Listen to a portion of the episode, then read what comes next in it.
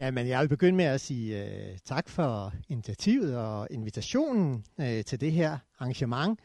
Det er jo et uh, på en gang vanvittigt spændende emne, vi har foran os, og også et sådan øh, rimelig kontroversielt omstridt emne. Øh, den her slags debatter, synes jeg nogle gange har det med at men bagefter kan jeg lidt svært ved at finde ud af, hvad kom der så egentlig ud af det, ikke også? Øh, fra starten af, så vil jeg sige, at mit håb for i dag er nok ikke så meget total enighed, selvom Leif siger, at det er det, det skal ende med i dag, ikke også? øh, det, det tror jeg ikke på, men jeg håber, er om ikke andet, at det så i hvert fald har givet klarhed, eller større klarhed, for at være lidt mere beskeden, ikke også? Øh, lidt større klarhed over, hvad er det egentlig, vi taler om, når vi taler om øh, det her med Israel, som vi som øh, bibeltro kristne, der deler et fælles øh, grundlag, et fælles udgangspunkt, alligevel når til forskellige syn på. Så det er det, jeg håber. Øh, lige et par ord sådan helt fra starten af om øh, sådan lige selve debatten om Israel blandt kristne. Øh, efter 2. verdenskrig er debatten om den kristne kirkes forhold til det jødiske folk i den grad kommet i fokus. Og det er der, var der selvfølgelig to rigtig gode grunde til. Den ene, det var holocaust og alt, hvad der skete øh, under nazisterne, og den anden var selvfølgelig staten Israels oprettelse lige kort efter 2. verdenskrig. Og øh, de to ting til sammen har været årsag til en ekstremt omfattende debat, som er ført ikke blot af folk, der har et fælles udgangspunkt, sådan som Jan og jeg har det i dag, men også folk, der står på helt andre grundlag end det, vi gør. Og det gør det meget svært at få et overblik over debat. Teologisk, så har der været opstillet en række forskellige øh, modeller for forståelsen af forholdet mellem øh, kirken og Israel, eller måske lidt mere præcis for kirkens forståelse af det jødiske folk. Og jeg tror lige, at det sådan, øh, bare lige for orienteringens skyld, lige kunne være godt lige at få øh, ridset bare lige fem af de sådan øh, måske mest omtalte modeller, som har været opstillet øh, her efter 2. verdenskrig. Øh, subsumptionsmodellen, som øh, sådan meget kort sagt går ud på, at Israel skal underordnes det almene. Det vil sige, der gælder ikke noget specielt om Israel, som ikke gælder alle. I Gamle Testament og i Nye Testamente. Det er kort sagt, hvad det går ud på. Substitutionsmodellen øh, meget kort og for forenklet sagt, Israel var Guds folk i det gamle testamente, kirken er Guds folk i det nye testamente. Der er sket en erstatning. Komplementærmodellen, Israel og kirken er begge Guds folk. De har begge en rolle, begge er Guds folk. Det kan så øh, udfoldes på et hav af forskellige øh, måder, enpaks eller topaks, eller hvad ved jeg, forskellige former for modeller af teologier.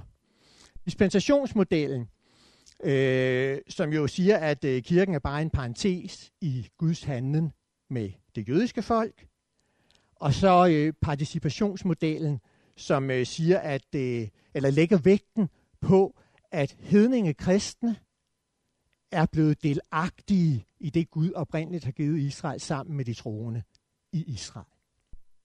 De her modeller, altså havde vi nu haft øh, øh, Øh, hele eftermiddagen eller sådan et eller andet. Ikke? Og så tror jeg faktisk, det havde været meget lærerigt lige at gå ind og se lidt på de her forskellige modeller. Ikke sådan, at hver af dem kan stå selvstændigt. Det, det troede man engang, hvis man går tilbage, tror jeg, nogle årtier.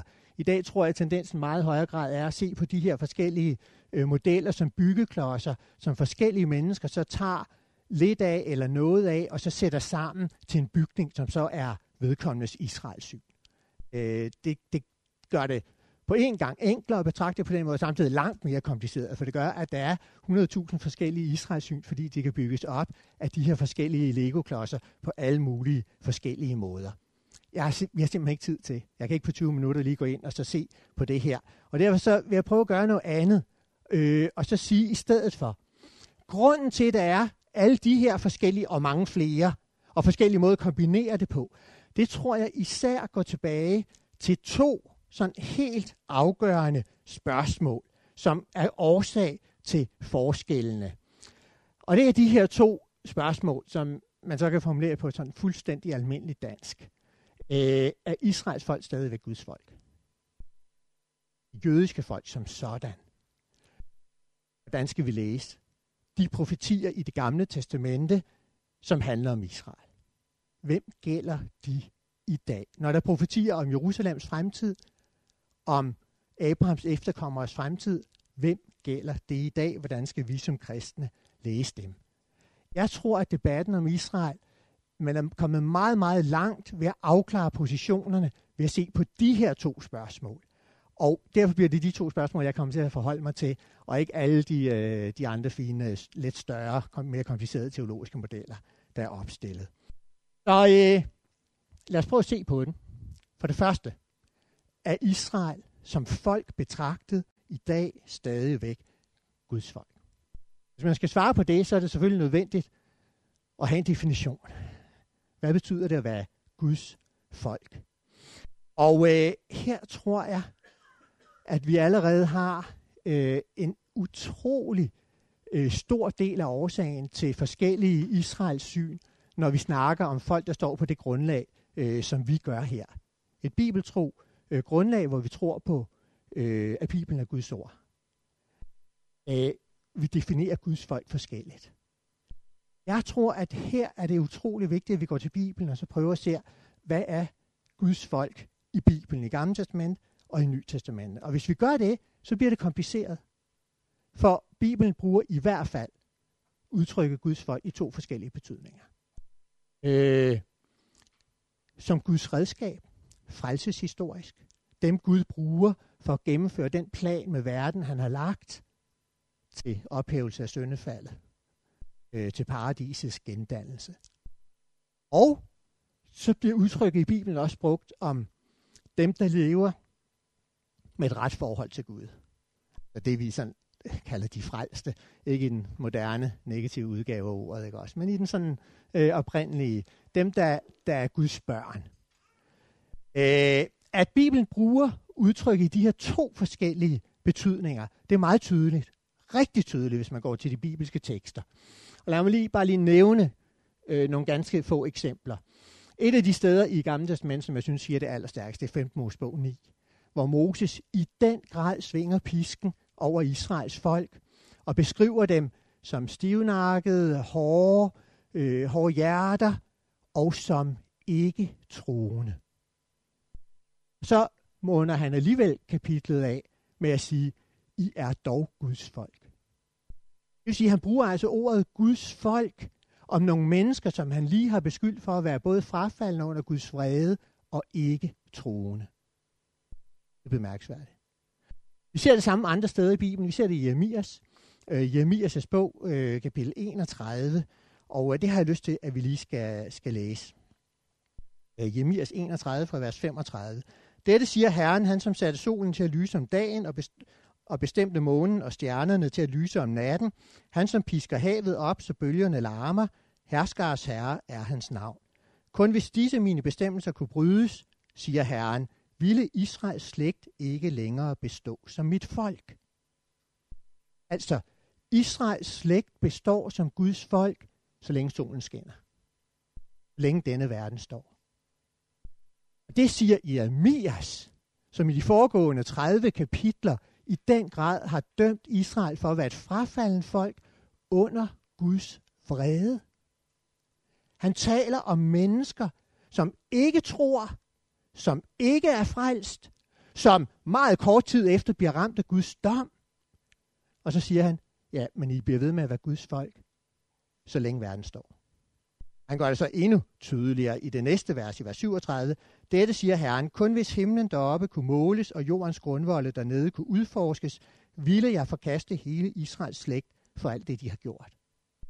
Vi bliver ved med at være Guds folk, på trods af alt, hvad de har gjort.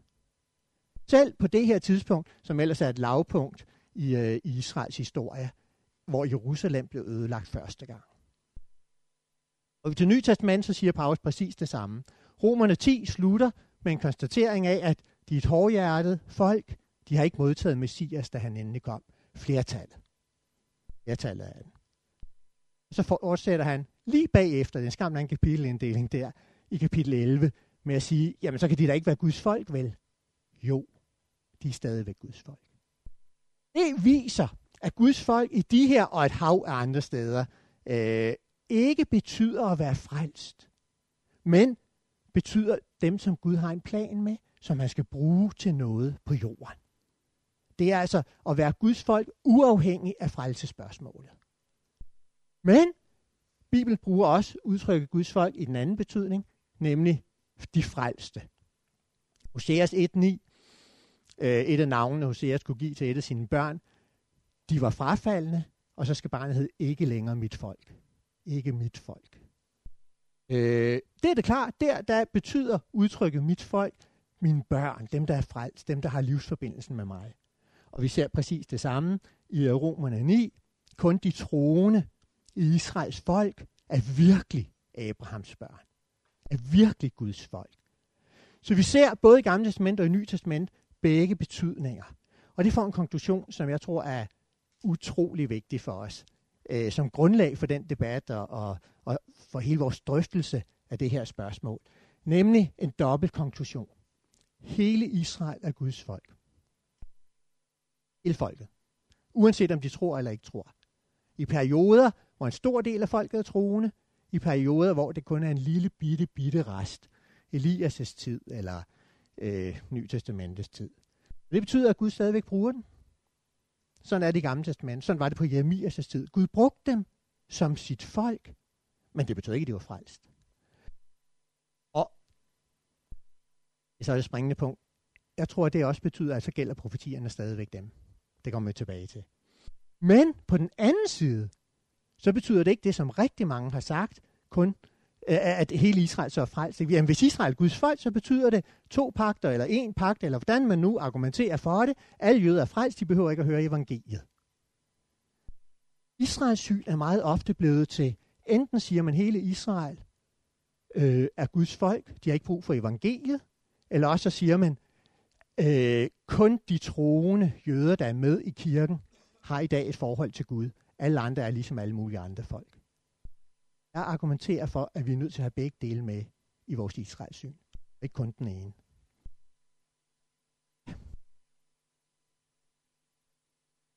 Jeg er nødt til at gå videre til den næste.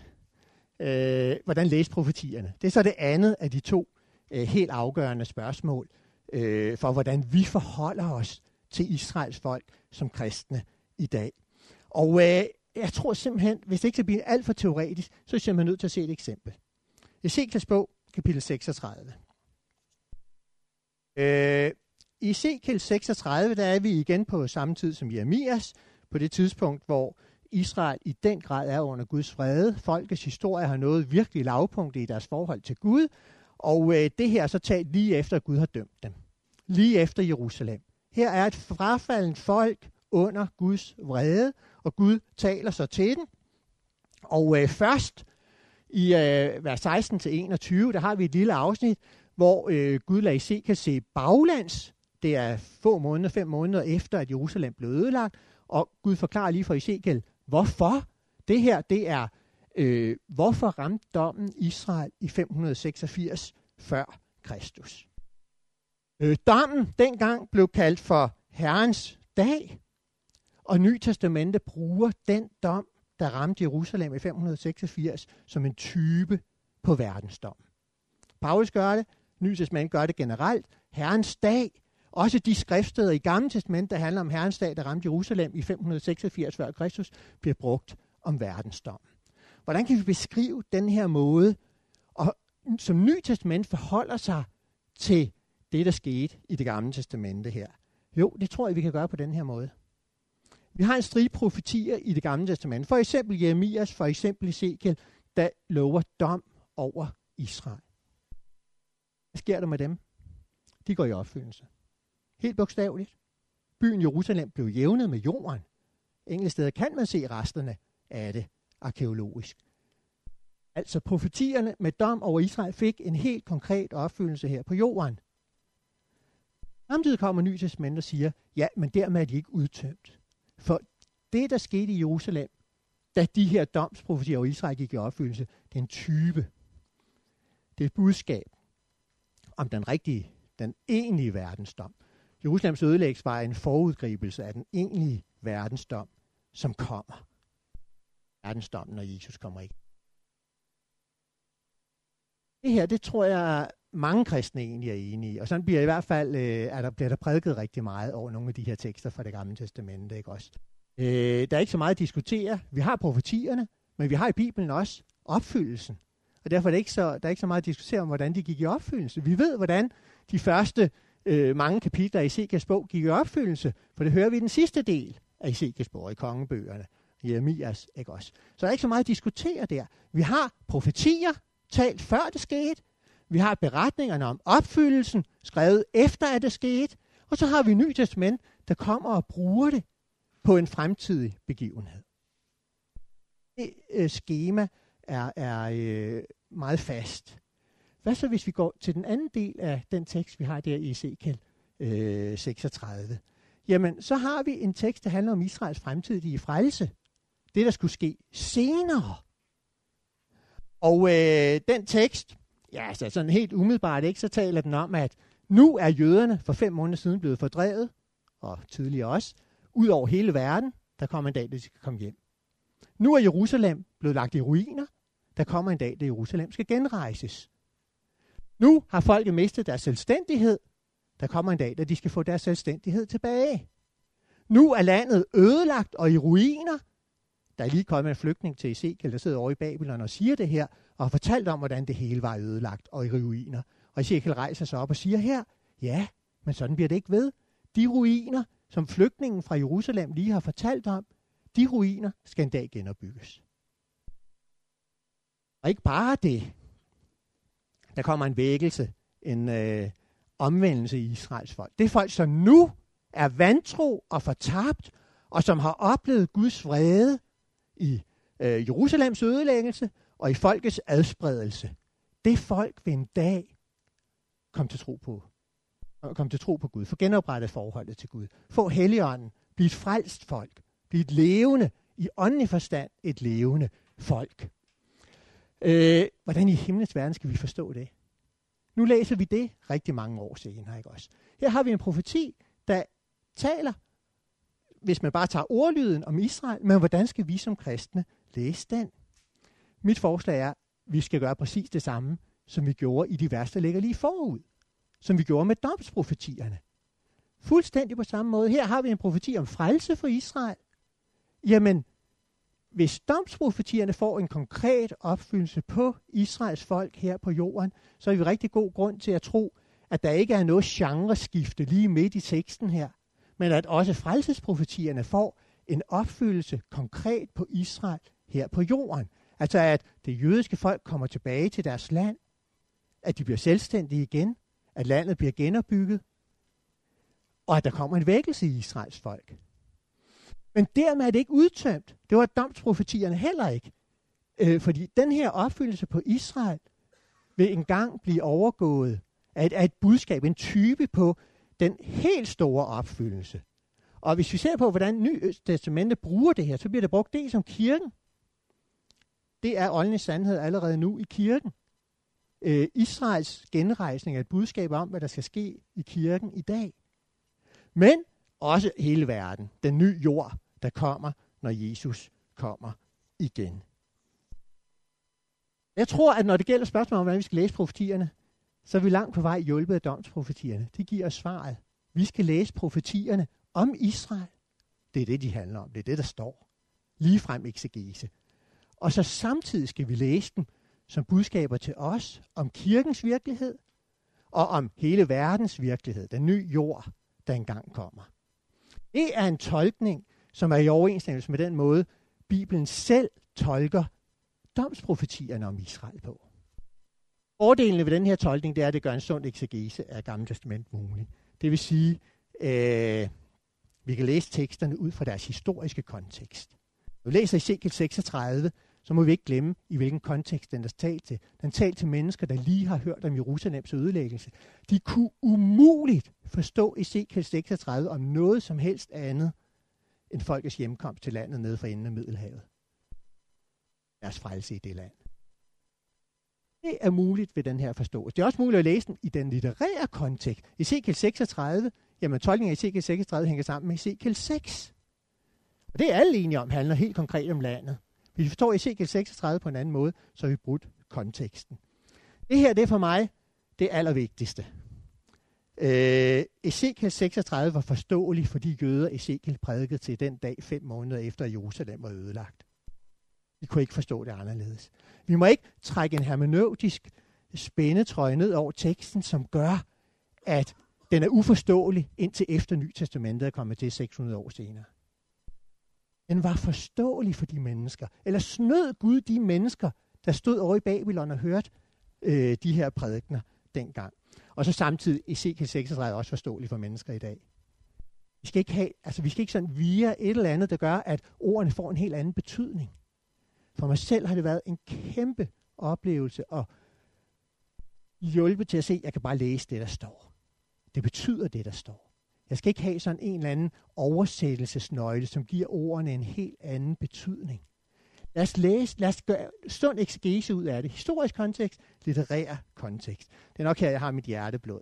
Det her, jeg synes, at den her debat, vi har i dag, virkelig betyder noget. For bibelglæden, for brugen af det gamle testamente. For at det ikke skal blive en lukket bog. For vi skal få sådan nogle bøger, vi er nødt til, at de skal putte den ind igennem, og så trække den ud på den anden side, uigenkendelig. Vi tager bibelglæden, for bibelglædens skyld. Ja, og så kan man meget kort lige sige, at det her det stemmer med den der doble betydning af Guds folk, som vi har både i Gamle Testament og i Ny Testamente. Det her, det fastholder Gamle Testamentets tale om, at Israel er Guds folk, så længe den her verden står. Som vi så i Jeremias 31. Fastholder den her måde at læse teksterne på. Og endelig, så fastholder et Ny Testamente, som faktisk læser for eksempel i Romerbrevet 11:25, profetier, der handler om Israel i Gamle Testamente, læser Ny Testamente om det jødiske folk og hvad der skal ske med dem efter Jesus. Så at en lang liste med, med fordele ved den her måde at læse det på, der er de her nok de fire, der sådan rører mig selv mest. Især den første. Værsgo.